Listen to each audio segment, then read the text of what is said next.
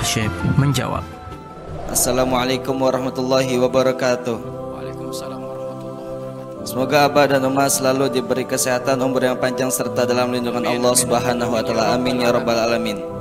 Afan Abah izin bertanya, apakah boleh orang yang sudah meninggal dibayarkan fidyah untuk membayar sholatnya serta puasanya? Mohon penjelasannya Abah, syukron. Baik. Jika ada orang meninggal punya hutang sholat, maka yang perlu dilakukan bagi ahli warisnya adalah ada empat pendapat. Pendapat yang pertama, tidak usah dikodok, tidak usah dibayarkan fidyah. Ada ada empat pendapat. Pendapat yang pertama ini pendapat yang pertama yang dikokohkan oleh madhab kita syafi'i tidak wajib kodok, tidak wajib bayar fit fidyah. Pendapat yang kedua wajib fidyah. Setiap sholat yang ditinggal dikeluarkan fidyahnya. Yang ketiga, pendapat yang ketiga wajib kodok. Dan pendapat ketiga ini termasuk pendapat yang diambil oleh Imam Subuki. Aku telah melakukan ini kepada ibundaku, kata Imam Subuki. Pendapat yang keempat wajib kodok dan wajib membayar fit fidyah. Maka mau mengambil mana saja boleh. Mengambil yang pertama yang dikokohkan nggak apa-apa, nggak wajib kodok, nggak bayar wajib fidyah karena sudah meninggal. Sholatnya diwajibkan bagi siapa? Orang hidup yang berak, berakal dan bal balik. Kalau sudah mati nggak wajib sholat.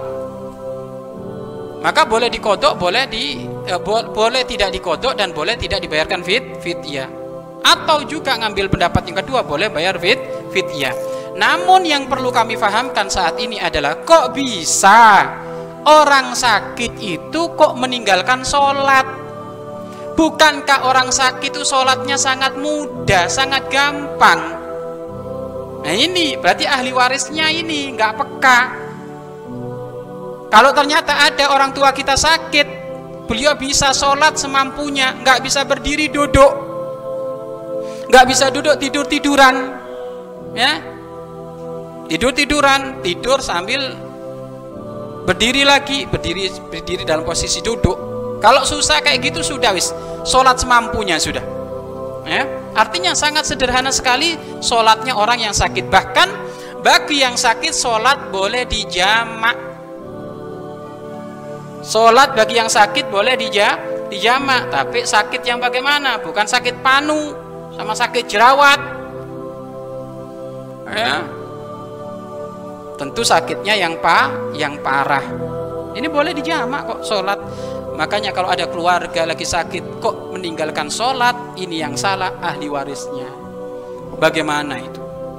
Bayar rumah sakit jutaan mampu. Masa bayar ustadz untuk bimbing yang sakit? Nggak bisa. Memang kamu kurang berbakti kepada yang sakit. Makanya yang dosa yang hidup. Yang dosa yang hidup itu. Gampang kok sholat itu. Sholat bagi yang yang yang sakit gampang. Kalau ternyata menyentuh air menjadikan sebab kedinginan. Nggak usah pakai air tayamum. Tayamum nggak bisa ditayamumin. Ya gampang. Jadi ingat tolong siapa pun yang sakit tolong diperhatikan sholatnya. Selama akal itu masih ada dalam posisi dalam keadaan kayak apa pun sakit jika akal itu masih normal maka wajib so sholat kalau meninggalkan sholat hukumnya dosa. Maka tolong ini ahli warisnya ini tolong. Kalau menemukan ada keluargamu yang sakit tolong dibimbing sholatnya. Sholatnya sangat gampang dikasih tahu. Nggak bisa ngambil air wudhu ya sudah tayamum. Ya sangat mudah. Sholatnya boleh dija dijamak baik seperti itu. Wallahu a'lam bisawab